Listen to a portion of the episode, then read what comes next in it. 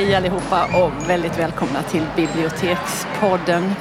Och det brusar och sålar av människor och böcker och jag vet inte allt. Men här sitter vi och har en liten egen bubbla tänker jag men nu skärmar vi av oss från omvärlden. Och låter jag skakig och konstig så är det inte att undra på för vår favoritpoet Tua Forsström är här i vimlet i vår lilla uppbyggda studio på Bokmässan. Och som väl är så är även Jeanette Malm mm. hos oss. Hej Jeanette! Ja. Och hej Tua! Hej! Hej! um, vad har du gjort idag på Bokmässan Tua? Uh, jag har träffat några människor sådär halvprofessionellt och, och så har jag deltagit i ett seminarium som handlade om finlandssvenskhet, den, den finlandssvenska författarens situation sådär ungefär. Mm. Och, och det, ja, det, det var okej. Det, det är någonting som debatteras så hemskt mycket hemma att det, att, att det kändes kanske en liten smula svårt att, att komma på någonting som som, eh, som vi inte har tjatat på med där hemma. Men jag, men jag tyckte att det var väldigt intressant i alla fall. Mm. Men i vanliga fall, är det vanligt att du deltar i mässor av den här storleken eller litteraturfestivaler eller hur? hur?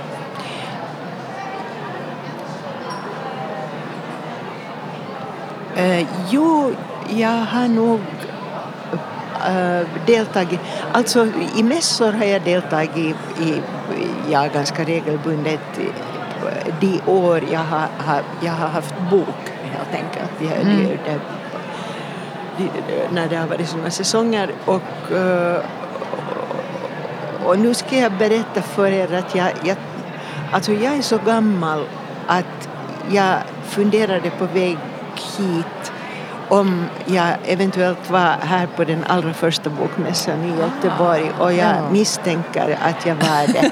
jag tror att det, jag undrar, jag undrar om det var 86, 88, ja, någon, något sånt. 80, någon, där. där. Ja, ja. ja, och jag tycker att Egil Falk höll ett, ett sånt här äh, otroligt inspirerat tal och ja, nu brakar det loss och här börjar vi, tycker jag, att ja, jag, jag har en sån minnesbild. Mm. Men då måste man ju säga att då var mässan någonting helt annat. Ja. Jag menar, det var, det var inget av detta eh, eh, det, det, här är ju så överväldigande stort och, mm. och nästan ohanterligt tycker jag när man ska röra sig här. Ja. Att, och då var det ganska alldeles beskedligt. Mm. Det var ingen eh, kommersiell eh, Inga kommersiella aktörer med då vad jag vill minnas heller? Äh, nej, jag, det har jag också en känsla av att det var det just inte. Inte, inte just, det var mera alltså ja, liksom mera en allmän litteratursamling mm. och uh, massor av författare mm. och, uh, och så har då den här kommersen mm. kom, kom, uh, expandera väldigt. Mm, mm. Så att det här kan man inte överhuvudtaget alltså jämföra med hur nej, det var då nej. i början.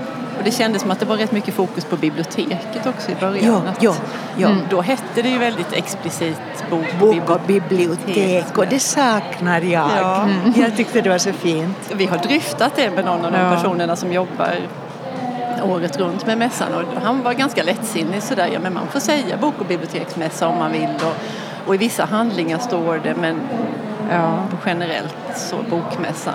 Ja, ja. Eftersom det hette så i folkmun så det var ingen som sa bok och biblioteksmässan men det är ju ändå en markering att kalla den det officiellt och tar man bort den markeringen så betyder det ju ändå mm. någonting. Ja. Vi kan börja köra med det igen. Ja, ja, ja precis. Då får vi backa bandet. ja, en gång till. Men då antar jag vi också att du möter en del läsare öga mot öga så att säga på den här och liknande mässor. Hur, hur upplever du det? Är det overkligt eller är det oh, Nej, kul? Det, är nog, det är nog rätt det, det är nog rätt van vid.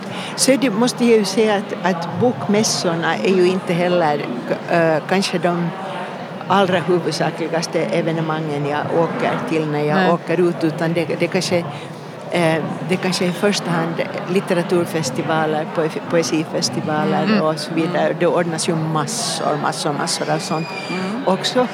Och, och det gäller väl alla de här evenemangen att man, eh, att man då helt enkelt kommer att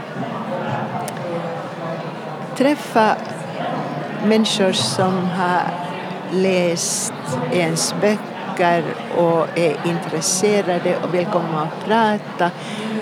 Och jag måste säga att jag tycker att det är enormt välgörande därför att vi har ju kanske ändå alla en känsla av att just poesin är ganska eftersatt i, mm -hmm. i vår tid.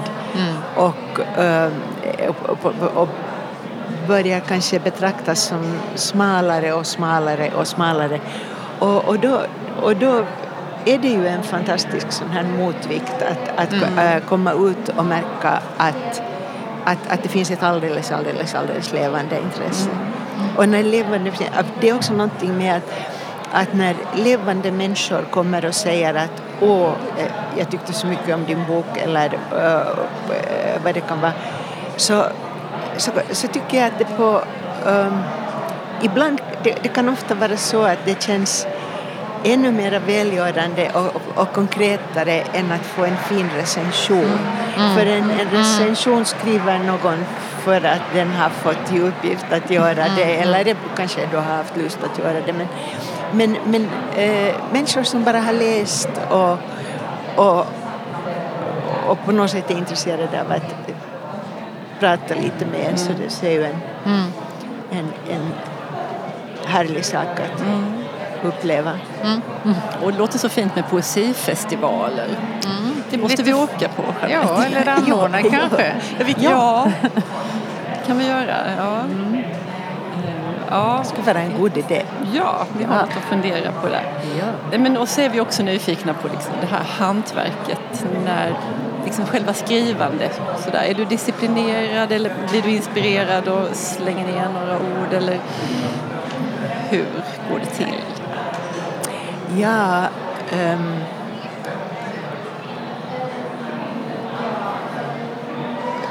alltså då får man ju säga att eh, det, det, finns tider av livet när det inte går att skriva av någon anledning uh, och så finns det tider som är bättre ägnade, ägnade för att man ska då kunna, kunna äh, hålla på och...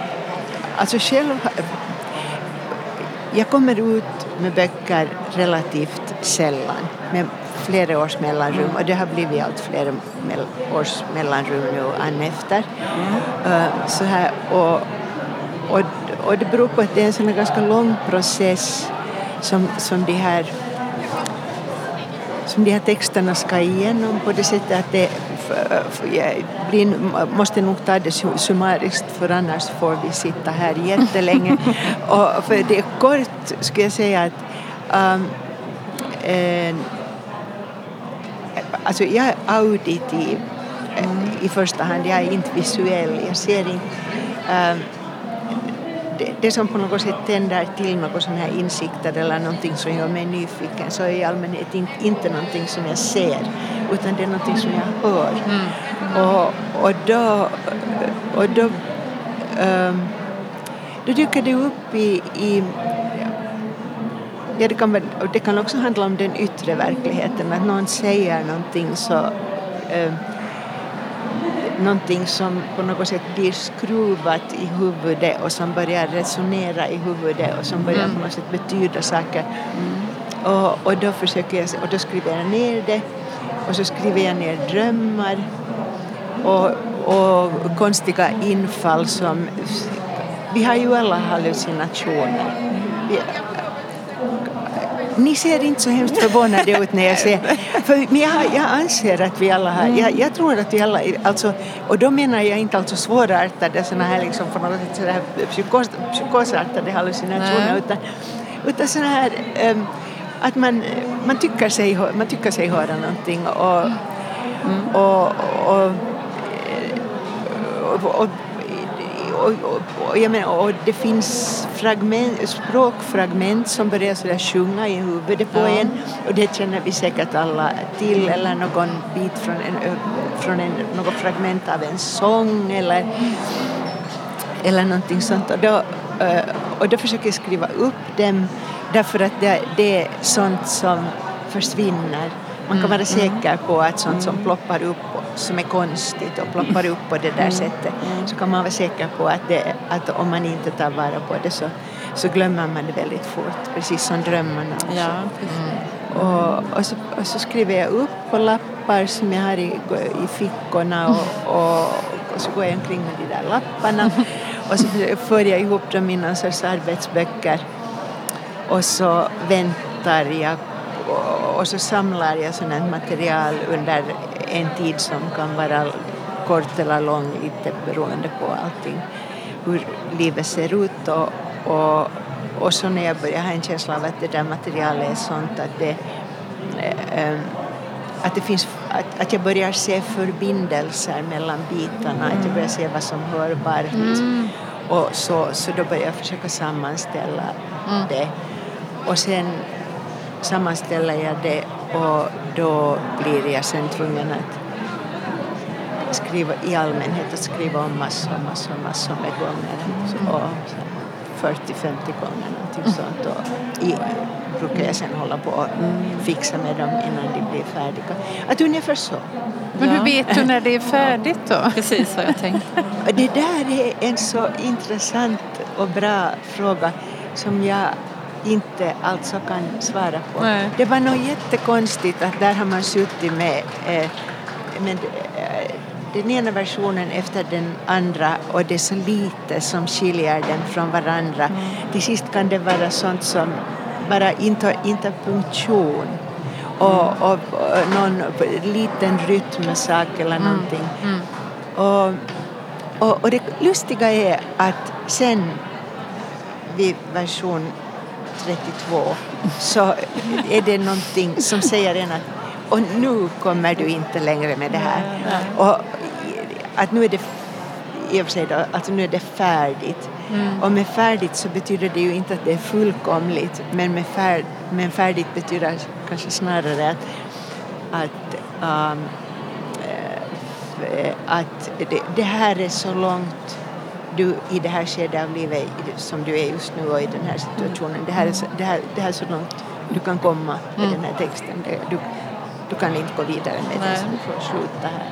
Jag tänkte på det här auditiva. Läser du dem högt för dig själv? Håller du på liksom och lyssnar på hur de låter också när du då när du håller på att skriva dem? Och... Nej, för jag hör det inom mig. Du hör det? Så jag behöver inte uttala det. Men jag hör nej. exakt hur det ja, låter. Ja. Så, ja. Men jag vet att många kollegor, det, det, det är väldigt vanligt att, att eh, författare läser upp, går Ja. och läser upp Ja. och prövar på det sättet. Ja, jätteintressant. Sen undrar vi också för vem du skriver. Förstår du vad jag menar? Om Oj. du skriver för dig själv eller om du har en läsare där ute som du riktar dig till. Eller många läsare.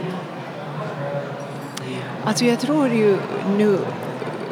um, jag, jag kan inte föreställa mig några läsare. Nej. Jag kan inte riktigt göra det. Och så, så på något sätt blir det, handlar det väl ändå om att, att jag i första hand skriver som, som, en, ska vi säga, som en första station så skriver jag för mig själv och sen med någon sorts bitanke att, att, eh, att, att om det här blir någonting så kan jag, så kan, så kan jag arbeta med det och, och, och försöka ge det vidare till andra.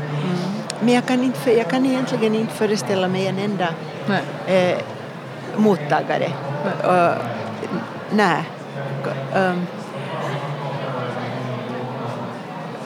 nej, det kan jag faktiskt inte. Men liksom, hur, om jag får fråga så här, hur känns det i dig? För när man läser dina dikter så, så blir jag väldigt påverkad och, och jag kan bli sådär överraskad och jag kan bli tröstad och jag kan bli glad över språket. Sådär. Händer sånt i dig när du skriver också? Ja, det tror jag att jag kan, att jag kan säga att jag blir och, att, och överraskad kan jag bli. För um, alltså, jag tycker att med poesin är det ju så att, att man aldrig kan veta, uh, man kan inte ha en avsikt. Man kan inte ha, så här ett, att ha en sån här, ett, ett budskap som man uh, som man vill förmedla till någon utan man måste på något sätt uh,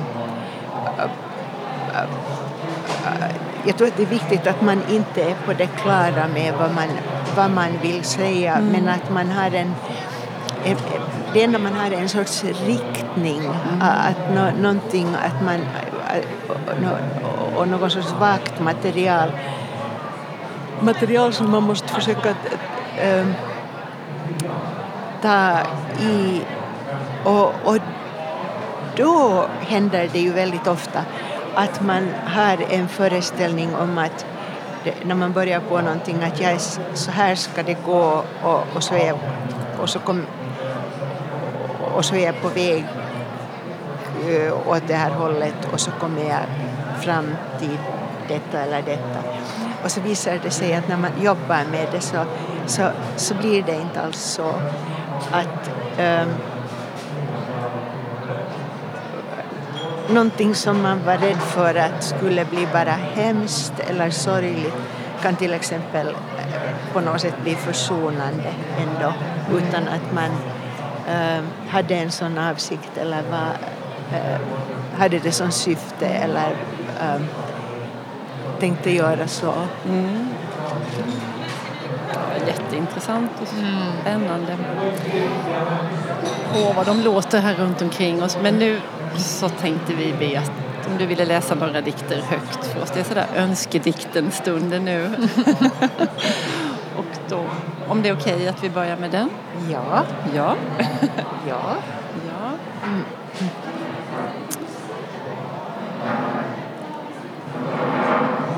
Oj. Det lönar sig inte att gråta så mycket.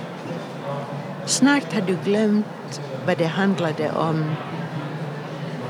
Ingen lyfter längre upp oss i sin famn och viskar titta, pekar på lampan som lyser och fåren på ängen mot sjön.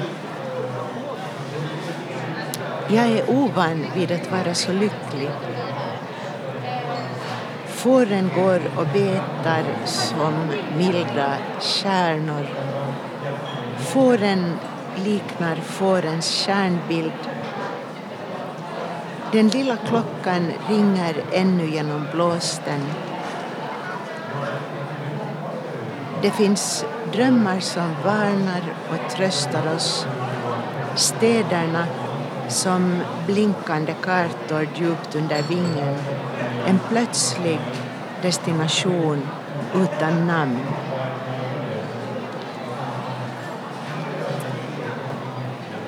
Sen ur en diktsamling som heter Efter att ha tillbringat en natt bland hästar. Ska, ska vi få höra 16 september har vi önskat oss.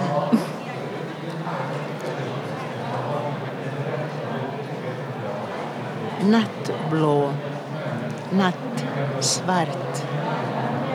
Vi tror oss lätt förlorade men bjällrorna på den lilla hästens seldon och en dag blir det 16 september för alla kryp och kreatur, för varje träd. Själen är blyg. Lite vatten och havre förslår. Några granna genomskinliga stenar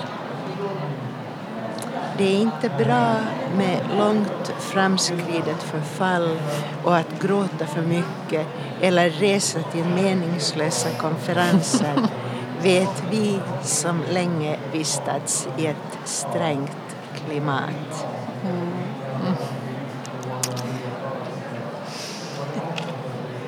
Tack. Vi har fått oss medskickat ett önskemål från en kollega, Håkan, som är en av dina många läsare på biblioteket i Halmstad. Och han skred sig verket an här och han valde ut och han valde bort och han valde till. Men till slut så fastnade han för den här dikten som vi gärna ville att du skulle läsa, speciellt för Håkan. Mm, gärna, gärna.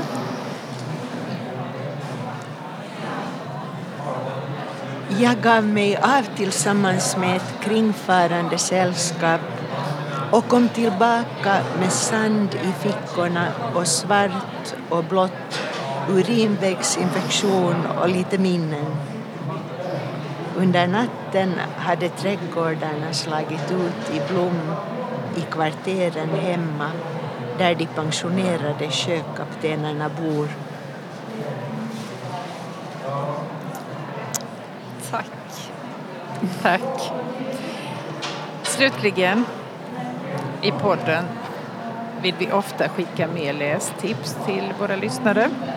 Idag tänkte vi då skicka med varsitt poettips. Vilken diktare som vi vill att fler ska upptäcka. Mm.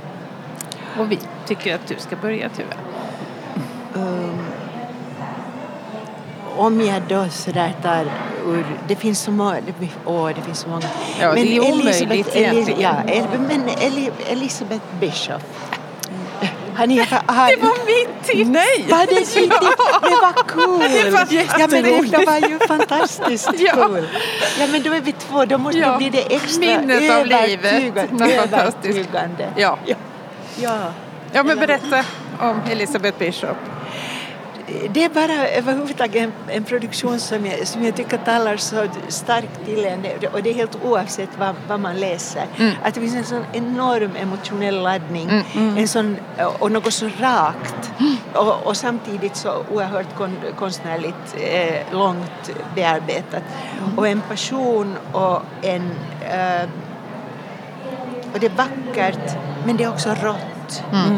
Eller hur? Så kan, du, kan du hålla med som Ja, vi håller absolut Ja. med dig. Det, det är väldigt rytmiskt och vackert men också Ja, om du använder ordet rått, jag Ja, vet inte. ja, ja. Ja, det är jag vill egentligen inte sätta ord på vad det är jag tycker så mycket om men utan det räcker att läsa. Mm. Och, och, Den där starka, starka känslomässiga laddningen som verkligen finns där i språket.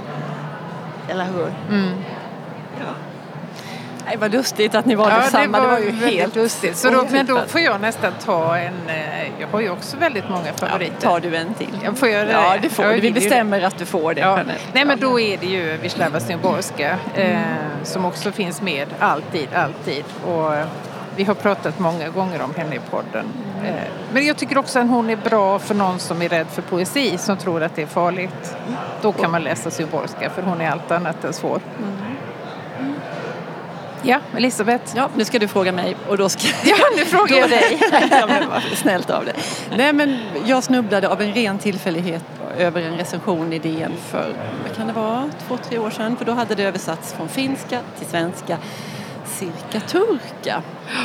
Det var en fullständigt ny bekantskap och jag drogs genast in i detta och blev liksom så fascinerad både av, jag vet vad, en bild när hon ligger på någon soffa med några hundar och grejer runt omkring och Titeln också på diktsamlingen som var så speciell. Nu är jag lite blockerad och kan inte minnas Ja, den. hund i strumpbyxor. Ja. Ja, just det. Där kom hunden. Ja. Ja. Bo Karpelan, har, har, ehm, han är död nu, men han, han gjorde också en översättningsvolym av henne eh, till svenska då. Och den, hade, den hette Livet är ett i vinden vacklande hus. Just. Ja, och den tycker jag passar cirka torka väldigt bra. Får jag se, hinner jag ännu Ja, säga? ja, så? absolut. Um, jag har haft som ett tioårigt projekt. Cirka är min goda vän också. Nej, är Vi det bor sant? ju ute ganska nära varandra i samma landsända och, och hon henne, hon bor i en stuga i skogen. Hennes vänner är hennes hundar och, och så är hon hästmänniska. Hon har hållit på med hästar hela sitt liv. Så det är djuren i första hand. Och i vart fall så är det någonting med Sirka Turka som är, alltså jag anser att hon är, alltså, i, alltså jag anser att hon är i världsklass. Mm. Och, och hon har en stor, enorm, fantastisk eh, produktion. Och jag fick för mig själv, eftersom jag älskar hennes poesi så hemskt mycket och fått så mycket av den, att jag eh, skulle försöka översätta en volym av henne till, mm. till eh, svenska jag också. Och, och det höll jag på med i tio år till och, och från. Och sen så måste jag ge upp det därför att det finns en sån konstig, konstig uh, kvalitet som ju, någonting som gjorde att jag för min del, alltså Karpelan klarade det och Gunnar Wikholm klarade det. Men jag klarade inte att, för att jag tyckte att jag fick med över till svenskan. Uh, allting annat än det som är liksom cirka turka själv. ja. Ah, vet ni hur jag menar? Att det där som är den där riktiga substansen och som är så personligt. Ja. Och, och, och, det var underbart att du, att du, kom, att du tog upp henne, just henne. Ja, för vi har ju bara läst henne på svenska. Ja, eh, och det är ju ja. den cirka turka som vi har Precis. fastnat för. Men jag gör på skoj det att, att, att ta, ta också fram, i den mån det är möjligt, den här Karpelans bok och, och för de är intressanta att jämföra ja. sinsemellan. Ja. Och den är så svår att få tag på för jag har verkligen försökt det.